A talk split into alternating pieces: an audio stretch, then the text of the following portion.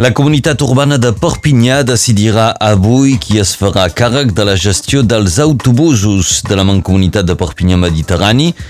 Us ho expliquem en aquest inici d'informatiu. També vos parlarem dels 20 anys del Festival Identicat. El festival es va tancar ahir, ha durat 5 dies. Farem un petit balanç particularment de la jornada d'aquest diumenge amb una diada castellera. Homenatges durant tot el cap de setmana a Jean Carrer, l'ex-batlle d'Argelès de la Marenda, antic jugador de rugby a 15, va morir divendres als 92 anys. El govern de la Generalitat de Catalunya es reuneix avui de manera extraordinària per protegir la immersió lingüística a Catalunya.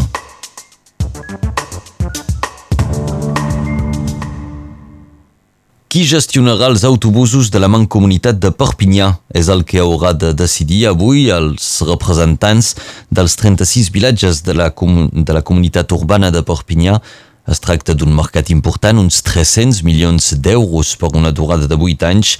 El preu del tiquet d'autobús també serà debat. Amb l'augment de la inflació i del preu de la gasolina, no es descarta un augment també del preu del bitllet d'autobús. L'actual responsable de la xarxa d'autobusos de Perpinyà Mediterrani, Bectalia, voldria conservar aquest mercat, però tres altres companyies són candidates. La decisió es prendrà, doncs, avui a la comunitat urbana de Perpinyà. Un incendi va cremar una hectàrea de vegetació ahir a Força Real. El foc es va declarar al matí al coll de, coll de la Batalla, prop de Mias, i el vent va afavorir una ràpida expansió de les flames. Finalment, el foc va ser controlat gràcies a la intervenció de 46 bombers. I foc també durant aquesta nit del banc de Santa Maria a la vora de la Tet. Les flames han destruït dues hectàrees de vegetació. Els bombers van rebre l'alerta poc després de les 10 de la nit i la intervenció, l'operació d'extinció ha durat fins passades les 5 de la matinada. Ahir va acabar la vintena edició del Festival Identicat, organitzat per l'Associació Aeronau de Bou. Han estat cinc dies de cultura popular i de festa, amb la participació dissabte a la nit del grup Brahms, que tancava la gira dels 30 anys de la publicació de llur primer disc. Ahir el plat fort va ser la Diada Castellera. Després de dos anys de Covid, els castellers del Riberal van tornar a descarregar el 3 i el 4 de 7. Van ser acompanyats a plaça pels castellers de Barcelona. La Diada també va comptar amb la presència dels castellers de Vilafranca que van descarregar el 4 de 8 amb l'Agulla, el 7 de 7 i el Pilar de 7 amb Folra, uns castells que no s'havien vist mai fins ara a Catalunya Nord. Aquest cap de setmana s'ha multiplicat els homenatges a Jean Carrer, l'antic ball d'Argelès de la Marenda, exjugador internacional de rugby a 15, que va morir divendres als 92 anys. Va patir una aturada cardíaca mentre passejava pel llac de Vilanova de la Raó. La seva desaparició ha coincidit amb el torneig de rugby que porta el seu nom i que va tenir lloc a Argelès aquell cap de setmana.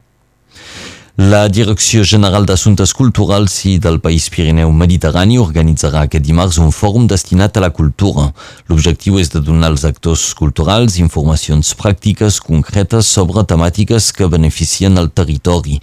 S'hi parlarà del sector cultural davant dels problemes mediambientals, d'iniciatives culturals innovadores i originals i també es, posarà, es proposaran diversos tallers, com ara una iniciació al català i a l'occità. Aquest fòrum tindrà lloc a Tui aquest dimarts és obert als elegits, als artistes, programadors i a dirigents d'associacions culturals del país. El govern de la Generalitat es reunirà avui de forma extraordinària per aprovar un decret llei que blindi la immersió lingüística en català. El text també vol protegir el personal educatiu i els centres davant de la sentència del Tribunal Superior de Justícia de Catalunya que imposa un 25% de classes en castellà. Demà acabarà el termini donat pel Tribunal perquè la Generalitat executi aquest ordre a totes les escoles i instituts del país. Per tercer any consecutiu, la gelada ha tocat els camps de presseguers i de nectarines de l'estat espanyol. Enguany la collita s'anuncia un 70%, 70 inferior a la mitjana. L'estat espanyol era fins ara el principal exportador de nectarines del continent europeu, amb prop d'1,3 milions de tones l'any passat. Enguany la producció de tot l'estat espanyol no hauria de passar de les 900.000 tones. A conseqüència de la gelada, és Itàlia qui passa a liderar la producció de nectarines aquest any amb un poc més d'un milió de tones. Rússia podria integrar la República d'Ossètia del Sud mitjançant un referèndum d'unificació. Aquesta república caucàsica anuncia l'organització del referèndum pel 17 de juny. Ossètia del Sud es va proclamar independent de Geòrgia el 1991. Rússia va reconèixer aquesta independència el 2008 i el govern de Geòrgia considera il·legals els referèndums i l'existència mateixa de la República Sud-Osseta. Els esports amb Kilian Jornet, que ha fet un nou rècord en la cursa de muntanya Zegama Aiskori. L'atleta català ha rebaixat pràcticament de 9 minuts el millor temps en aquesta cursa de muntanya del País Basc. El temps de Jornet ha estat de 3 hores, 36 minuts, 40 segons per una cursa de 42 quilòmetres i 5.472 metres de desnivell acumulat. En rugby a 13 a la categoria Elite 2, Bou i Pia s'han classificat per la final del pròxim 12 de juny, una final inicialment prevista a Lesignan, però la presència de dos clubs catalans podria implicar un canvi de seu de la final perquè es pugui jugar aquí a Catalunya Nord. La Federació de Rugby a 13 prendrà la decisió avui mateix. L'estadi de Sant Esteve és una possibilitat, però no es descarta tampoc que es pugui jugar a l'estadi Gilbert Brutus. En futbol, el Girona és a un pas de tornar a primera divisió. Els gironins disputaran la promoció d'ascens per tercera temporada consecutiva després de tancar la lliga regular en sisena posició.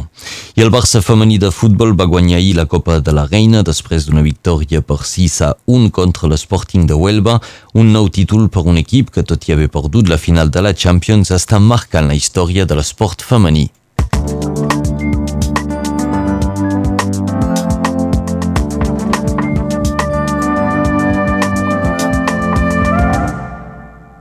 Més informació amb la previsió del temps.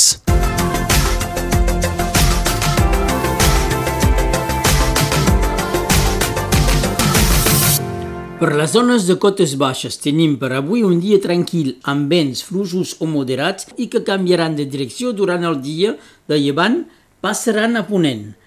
A la plana no tenim un cel molt clar, s'instal·len bancs de núvols que no portaran precipitacions. En canvi, més mirem cap a l'oest, més les condicions es desgraden. Ruixats al Fenolledès, al Conflent i al Vallespí i possibilitats de tempestes a la tarda a Cerdanya i Capcí.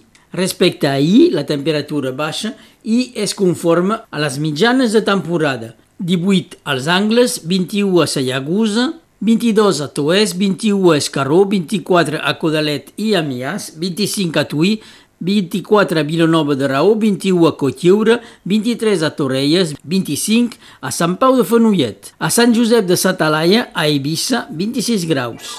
El 30 de maig de 1956 s'enllesteix la publicació de la gramàtica catalana de Pompeu Fabra a cura de Joan Coromines, coneguda també com gramàtica pòstuma.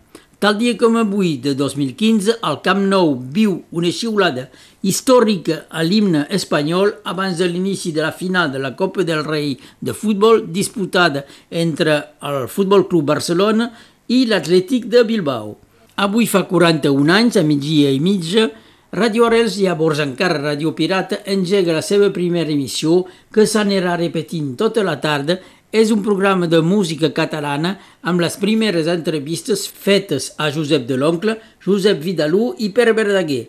Avui és Sant Just, Sant Ferran i Santa Joana d'Arc que va morir el 30 de maig de 1931.